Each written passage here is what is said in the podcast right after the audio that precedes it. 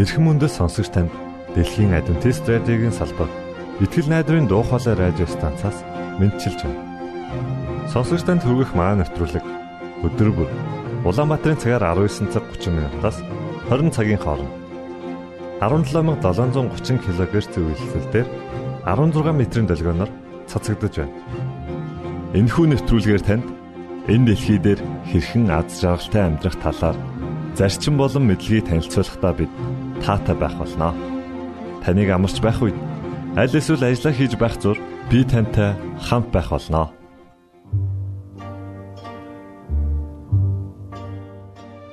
Өнөөдрийн нэвтрүүлгээр танд сэтгэл минь эзний магтахтун гэсэн алтан цавиагийн зохиосон гайхамшигтай магтаалык сонсгох болно. Үүний дараа өөрийгөө балан дагавлагч болгон хөгжүүлэх цуврал нэвтрүүлгийг танд хүргэнэ. Ингээ та нэвтрүүлгүүдэд хүлээн авна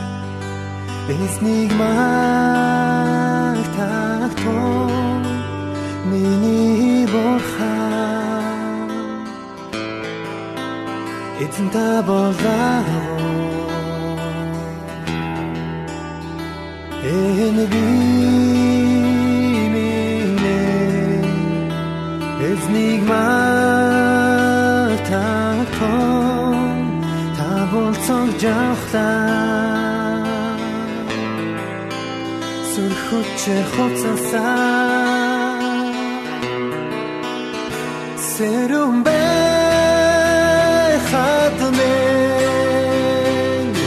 танат та хамт байдаг тоо Сэкэрмэн таны Үнгийн шөнөрч махтан дурнаа Хатха залдангийн дундаас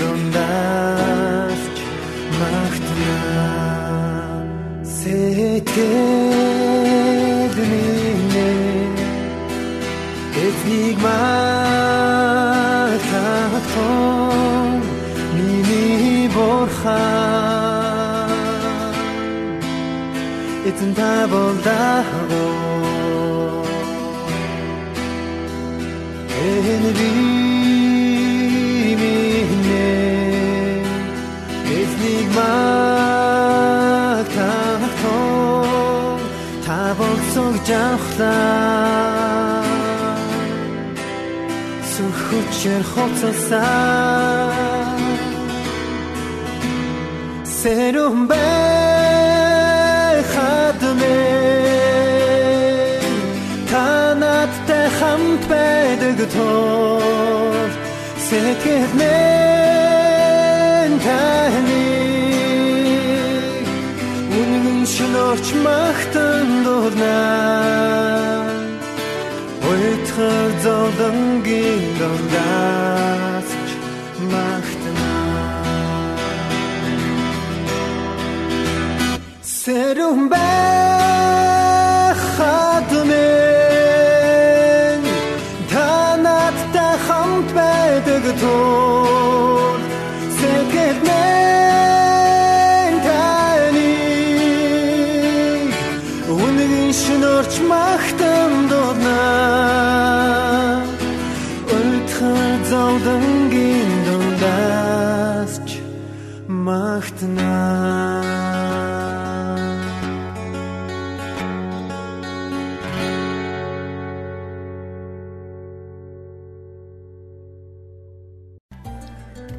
Уу эрхэм мөндөд сонсогчдоо. Өөрийгөө байлдан давуулагч болгон хөгжүүл цуврал нэвтрүүлгээр эргэн уулзж байгаадаа баяртай. Өнгөрсөн удаагийн хичээлээр бид суралцах зарчим гэсэн сэдвийг танилцуулсан бол энэ удаагийн сэдвээр Каризма буюу бусдыг татах зарчим гэсэн хичээлийг танд хүргэх гэж байна. Каризма буюу бусдыг татах зарчим. Хүн өөрийг нь сонирхож байгаа хүнийг л сонирхдаг. Дейл Карнеге хэлэхдээ та хүмүүсийг сонирхож эхэлбэл 2 сарын дараа олон найстай болно. Харин 2 жилийн дараа бусад хүмүүс таныг сонирхож эхэлнэ гэж хэлсэн байдаг. Өөрөөсөө асуух асуулт нь би хувийн эрх ашигын төлөө эсвэл бусдыг хайрласандаа тэдэнд анхаарал тавьдаг уу? 2003 оны 8 сард Маргаret бит 2 Медитерранеан Сиборн руу аяллаар явсан юм. Тэгээд зорсон газартаа ирээд өрөөгөө авахар зогсож байтал нэгэн настай эмэгтэй дөхөж ирээд өрөө хүлээлгэж өгөнгөө өөрийгөө бидэнд танилцуулав. Сайн байна уу?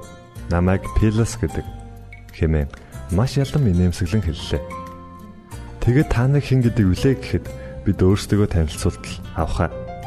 Та нартай танилцсандаа үнэхээр баяртай байна. Илүү сайн танилцсан гэхээс тэсэн ядан хүлээж байна. Оройн хоолн дээр эргээд уулзъя гэлээ. Ямар сайхан ааштай эмэгтэй вэ гэсээр бид хоёр өрөөргөө явцгаалаа. Бид дөрөөндөө орж тухалцгаан наан цаана юмаа төгнүүлсээр нилээ цаг авсан тул Пелосыг тэрхэн хооронд мартав. Ингээд оройн зоогийн үеэр бид доош бутал өнөөх эмэгтэй хүмүүстэй ярилцаж байлаа. Тэрээр биднийг харангуйтаал инээмсэглсээр чиглэн ирж мэдлээд Джон Маргарет хоёр харин энэ миний нөхөр Стенли хэмээн биднийг танилцуулаад үнэхээр сэтгэл татам гайхалтай яриаг бидний хооронд өргөнүүллээ. Бид ч оройн зог байх зураа яриагаа өргөжлүүлв. Та юу хийдэг вэ гэж түүнийг асуухад би би зохиолч мөн лектор хөө гэтэл тэр надад их сонирхолтой санагдаж байна. Яг юу хийдэг талаар дэлгэрэнгүй хэлээч гэв. Би түүнд өөрийнхөө талаар танилцуулж болох бүх зүйлээ хэлж түүний сонирхсан асуултад хариулан нилээд ярилцав. Тэр үргэлжлүүлэн Маргареттэй ярилцаж нилээд сонирхолтой сэдв болох урлаг, уран зураг, эртний үнд зүйлсийн талаар ч ярилцаж амжлаа. Дараа дараагийн өдрүүдэд би Пелас Стенли хоёр 100 хор орчим үйлчлүүлэгчдийг усан онгоц дээрээ хүлээн авч өөрсдөө танилцуулж хэрхэн харилцаж байгааг анзаарлаа. Тэрээр харилцан яриаг маш гайхалтай өрнүүлэхийн зэрэгцээ. Харилцагч хүнийхээ талаарх мэдээллийг маш шалмаг цуглуулж байв. Пелас тэнд ирсэн хүн бүрийн нэрийг нэг нэгдэнгүй мэддэг бөгөөд бусдад маш чадварлагаар танилцуулж байлаа. Хэдэн өдрийн дараа усан онгоц дээр байдаг баг бүхэл хүн түүнтэй уулзах гэж хайдаг боллоо. Тэрээр хүн бүрийн хайр хүндэтгэлийг хүлээж чаджээ. Стенли надад Тэтгэврт гараа зүгээр нэг суухыг хүсээгүй бөгөөд далайгаар аялангаа хүмүүстэй уулзсан. Тэдний амьдралыг сонирхож баяр хөөргийг нь хуваалцахаар шийдсэн гэдгээ ярьсан. Тэд үнэхээр гайхамшигтайгаар цаг мөчийг өнгөрүүлж байлаа. Бидний аялал дуусах үед Маргарет Битхоёр тэдэнд маш их талархаж байгаагаа илэрхийлтэл тэрээр Пелес болон Стенли Хагс та нарын найзууд гэсэн бичгтээ гэрийн хаяг ус онгоцны логотой өөрийн нэрийн хуудас өгөв. Түүнээс хойш Пелес бид рүү имэйл илгээж Флоридад манай дахин зочилж ирээрэй гэж урих боллоо. Пелес бол миний өмнө хизээж уулзч байгаагүй каризма буюу бусдыг өөртөө татах агуу чадвартай хүн байсан. Тэр бол бусдад харилцах урлагийн мастер хөв. Энэ зөвхөн гадна талын хэв маяг төдий зүйл байгаагүй юм түүний нууцсан чухам юунд байсан юм бол Гэвч энэ байдал нь аав маань надад заасан Дейл Карнегийн нэгэн хичээлийг өөрийн ашиггүй санагдуулсан юм. Энэ нь чи хүмүүстэй уулзаж байхдаа хизээч өөрийгөө бас харин тэднийг сонирхож бай гэсэн амьдралын нэгэн чухал үнэн байсан. Карнегийн хичээлүүд бол миний хүүхэд насны минь амьдралд асар их нөлөө үзүүлсэн гэж боддог. Энэ хичээл нь бусдад таалагдах 6 зарчим байлаа. Үүнээс найз нөхдөө хэрхэн байлдан дагуулах вэ? Бусдад хэрхэн нөлөөлөх вэ? гэдэг хичээлүүд бусдаас илүү намайг төлөвшөхөд нөлөөлөө зогсохгүй хожим хүмүүстэй хамтран ажиллахад харилцах ур чадвараа хөгжүүлэхэд нь маш их үр өгөөж өгсөн билээ. Тиймээс түүний энэ гайхалтай хичээлүүд таны амьдралч мөн үр өгөөж өгнө гэдэгт би итгэлтэй байна. Энэхүү хичээлийн төлөө би Дейл Карнегт их талархдаг. Түүнээс суралцахыг хүсвэл та дараагийн хэсэгт анхаарлаа хандуулно. Нэгт бусад хүмүүсийг чин сэтгэлээсээ сонирхож байна. Вашингтоны хамгийн том зочид буудлын эзэн Перли Местагаас нэгэн хүн яаж ийм олон алдартай баян чинэлэг хүмүүсийг үдэслэгтээ ирүүл чадсныг нь асуужээ. Гэтэл Места Энэ бүхэн угтал болон үдэлтэнд байгаа юм гэж хариулав. Тэрээр зочин ирэхэд хүлээж байсан хүн маань ирлээ хэмээн огтон авч явхад нь ийм хурдан явах болсонд харамсалтай байна гэж хэлдэг байв. Харин миний хувьд сүүлийн 20 жилийн турш өөрийн амьдралдаа хүмүүс надад хэр их зэрэг анхаарал халамж тавих вэ гэдгээс илүүтэйгээр би хүмүүст хэр зэрэг анхаарал халамж тавьдаг вэ гэдэгт анхааран мөрдлөг болгож байгаа лээ. Өөрөөр хэлбэл би бусад хэр зэрэг их анхаарал тавина тэд надад төдийшнээ анхаарал тавьж байдаг. Инхдээ бусдыг хэр зэрэг ирэх мэдлэлтэй хэр зэрэг боловсралтай, хэр зэрэг чадвартай гэдгээс үл шалтгаална та эхлээд бусдыг анхааран халамжлах нь чухал юм. Тийм ээ. Хинтээ ч уулзсан түүнийг хамгийн чухал хүн гэдгийг нь өөрт нь мэдрүүл. 2. Инээмсэглэлийн хүч чадал. Та толинд хараад хөөх би чинь өөрийгөө өөрчлөхгүй бол болохгүй юм байна гэж бодож байсан уу?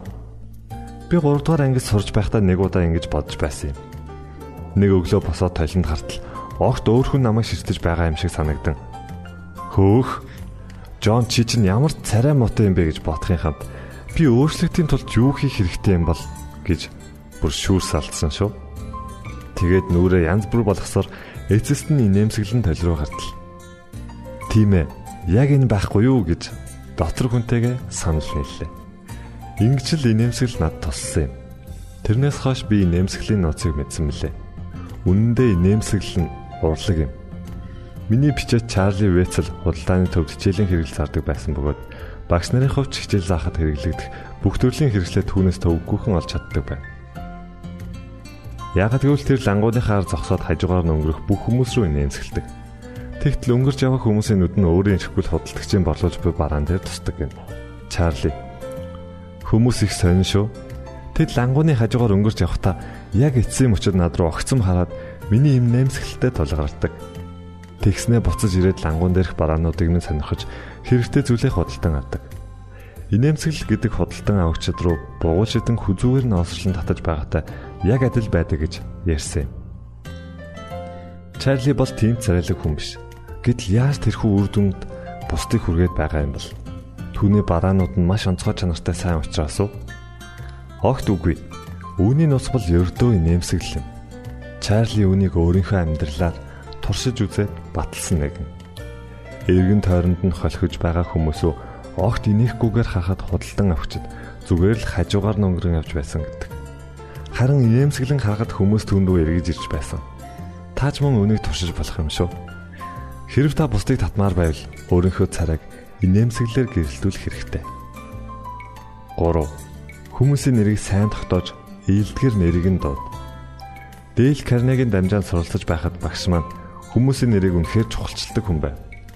Түүний энэхүү чадвар нь надад маш сайхан сэтгэл төрүүлсэн төдийгүй бусдыг хэрхэн үнэлж байгааг сурсан юм. Тэр өдрөөс хойш би хүний нэр цээжилж бусдын нэрийг ийдгээр дуудахыг нэн тэргүүний чухал зүйл болгосон билээ. Ийхүү жил өнгөрөх тусам би хүмүүсийн нэрийг санаж байх сайн аргуудыг хэрэглэсээр л байна. Мөн хүний нэр гэдэг тухайн хүний онцлог шинжийг харуулж байдаг гэдгийг олж мэдсэн юм. Нэг удаа би анти Эн Прейцийн үндэсний чуулга уулзалтад илтгэл тавихаар урьдсан юм. Тэгэд компани үүсгэн байгуулагчийг үнэхээр гайхалтай удирдахч гэж магтан байгууллагын талаарч яриа өрнөлөө. Үүний зэрэгцээ Аунд Энистэй хамт байгаа. Үүний зэрэгцээ Аунд Энистэй хамт байгаа маань их гайхалтай байна гэтэл нэг хүн над руу ирээд "Хөөе Жон, Аунд Энис бишээ. Аунти Эн байхгүй юу хэмээн айжуухан хэлв." Тэгтэн би ичиж би минь нэг их үүсэх шиг л болсон. Дараа нь би Эйн, Джонс хоёрыг гэртээ оройн хоолндоо ороод тэднийг эргэтэн хүртэл нэрийг нь хольж сольж дуудсан хэвээр л байсан. Миний хувьд бусдын нэрсийг санаж байх үүднээс нэг арга хэрэгэлдэг.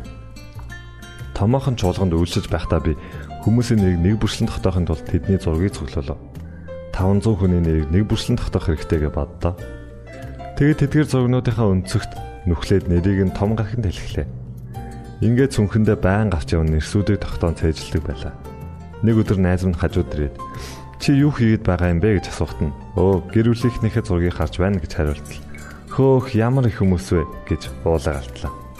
Би зургаа эргүүлэнгээ тийм ээ. Одоо ач зэнараа л харах үлдэж байна гэж хариулав. Мэдээж таны хувьд бусдын нэрийг тогтоох илүү сайн арга байж болох юм. 4 бусдыг сонирхож урамшуулахын тулд сайн сонсогч нь бол Нобелийн шагналт Жорж Иллойд амин хуваа бодсон өөрийнхөө жижигхэн ертөнцөөс гараад хайрлан халамжлах зүйлийг ирж хаа.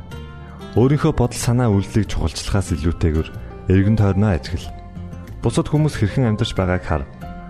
Тэгээд тэдний яд жаргал, зовлон бэрхшээл, санаа зовнилыг сонирх хэмээн зөвлөсөн байдаг. Энэхүү зөвлөгөө танд ямар санагдаж байна? Тэгвэл хэрхэн бусдын зүрх сэтгэл хүрэх вэ? Үннийг хариулт бол та бусдыг чих тавин сонсох чадвар юм. Пилас Хагес нь сонсох бэлэг авьяастай хүн билээ. Тэрээр надад миний ээж Лаураг үргэл санагдуулдаг. Миний мэд хүмүүсээс хамгийн сайн сонсогч бол миний ээж юм. Гэхдээ зөвхөн миний ховч төдийгүй маш олон хүн түүнийг сайн сонсогч гэдгийг мэддэг. Нилээд хэдэн жилийн өмнө ээж минь Сиклевлийн Библийн сургуулийн намын санд ажилладаг байсан бөгөөд олон аран охид түүнийг байнга л ирж хайдаг байсан. Ээжийн минь хувьд бусдыг ихэд халамжлан сайн сонсогч нь байж чаддаг лээ. Маргаретийн хувьд ч намайг сонсдог чадвар нь түүнийг агуу хадам ээж болгосон гэж хэлдэг. Их Британий түүхэнд хоёр агуу ерөнхий сайд байсны нэг нь Уильям Гладстон, нөгөө нь Бенджамин Дизрали билээ. Нэгэн залуухан эмэгтэй тэр хоёртой оройн хол хамт идэх завшаан тохиожээ. Тэгээд уг эмэгтэйгээс хоёр эрийн талаар сэтгэлийг нь асуудал. Би Гладсонтай ярилцаж байхдаа тэрээр Английн хамгийн ухаантай хүн юм гэж бодсон. Харин ноён Израильтай ярилцсныхаа дараа би өөрийгөө Английн хамгийн ухаантай эмэгтэй юм байна гэж бодсон хэмээжээ. Тийм ээ. Та хүмүүстэй харилцахдаа Израиль шиг бусдын үн цэнийг мэдрүүлэн сонсож чаддгүй. 5. Бусдын сонирхлыг хөндөнд ярилц. Дөнгөж гэрэлсэн залуухан хос зуны сайхан үдшид довжон дээр суугаад ярилцаж байна гэв.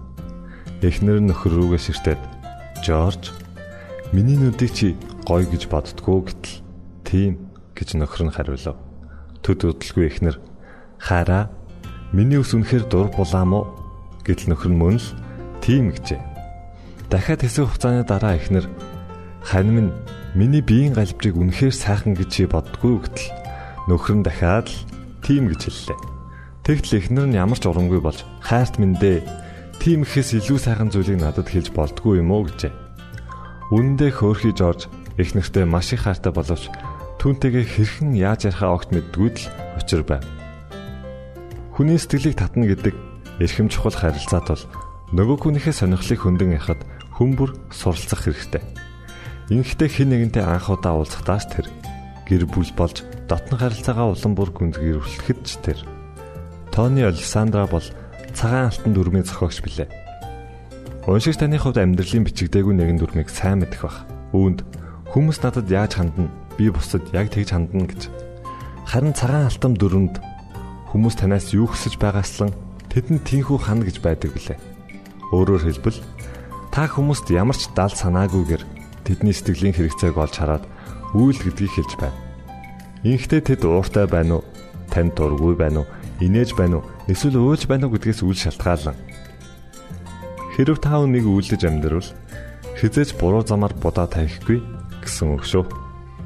6. Мэдрэмж чухал тул чин сэтгэлээсээ ханд.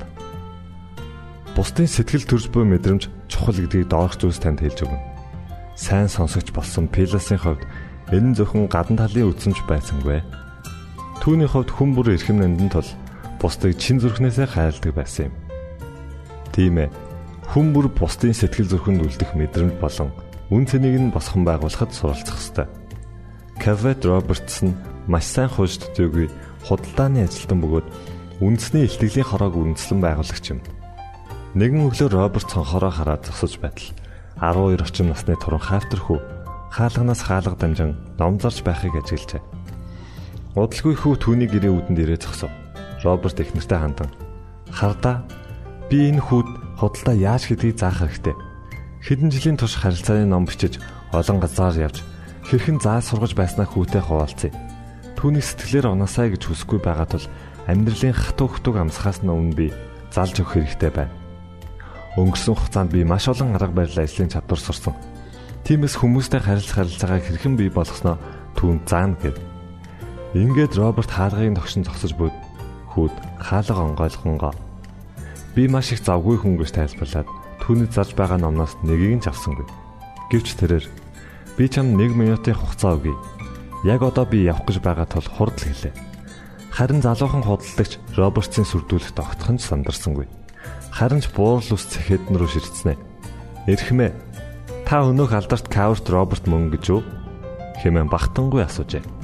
Түүний энэхүү асуулт Робертын зүрхэнд хүрч сэтгэлд нь сайхан мэдрэмж төрүүлсэн тул тийм ээ хүмүн оролдоо хэмээн гэртээ сэтгэл хангалуунаар урьжээ. Түүгээр цосгүй Роберт хүүгээс хэд хэдэн ном худалдаж авсан бөгөөд тэдгэр номноос алийг нь уншаагүй байлаа.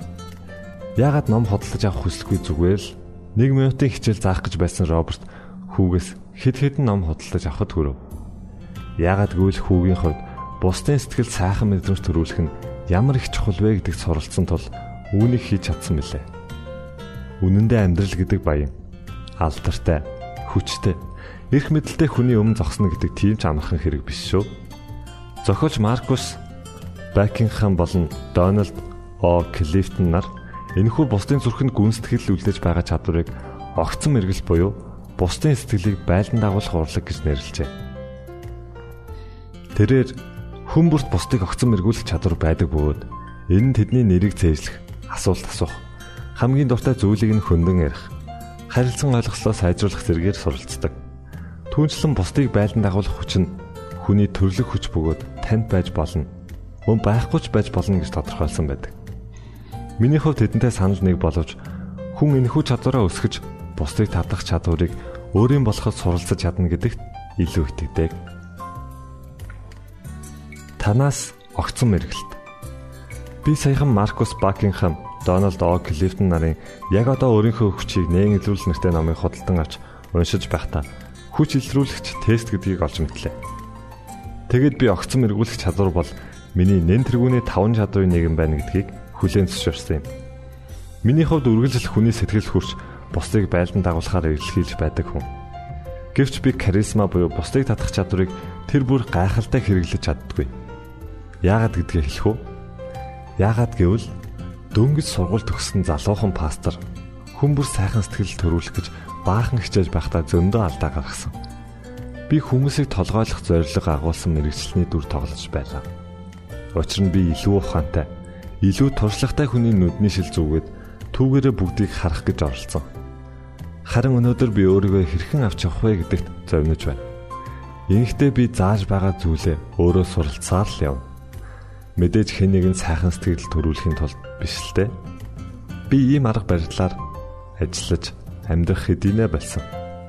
Харин одоо миний хувь хүмүүсийг хайрлан халамжилж тэдэнд санаа тавин туслахыг хүсэж байна гэдгийг тэд мэдээсэй гэсэн хүслээр ажиллаж амьдарч байна.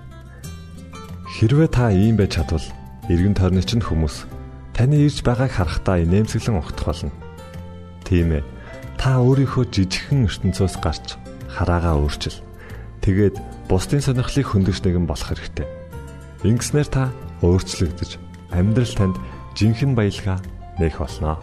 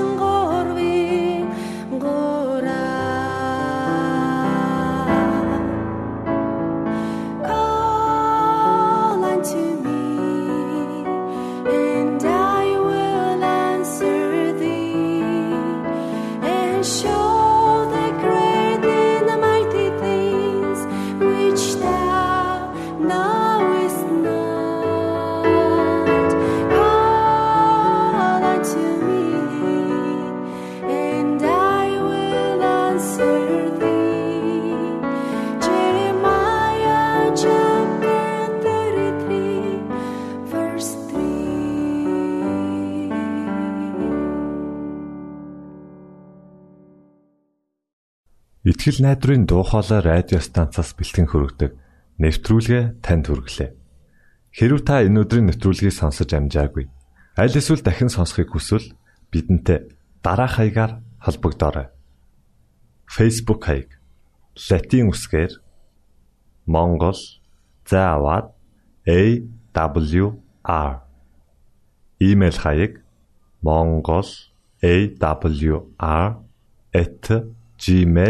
mongol@awr@gmail.com Манай утасны дугаар 976 7018 24 9 Шуудангийн хаяг 16 Улаанбаатар 13 Монгол улс.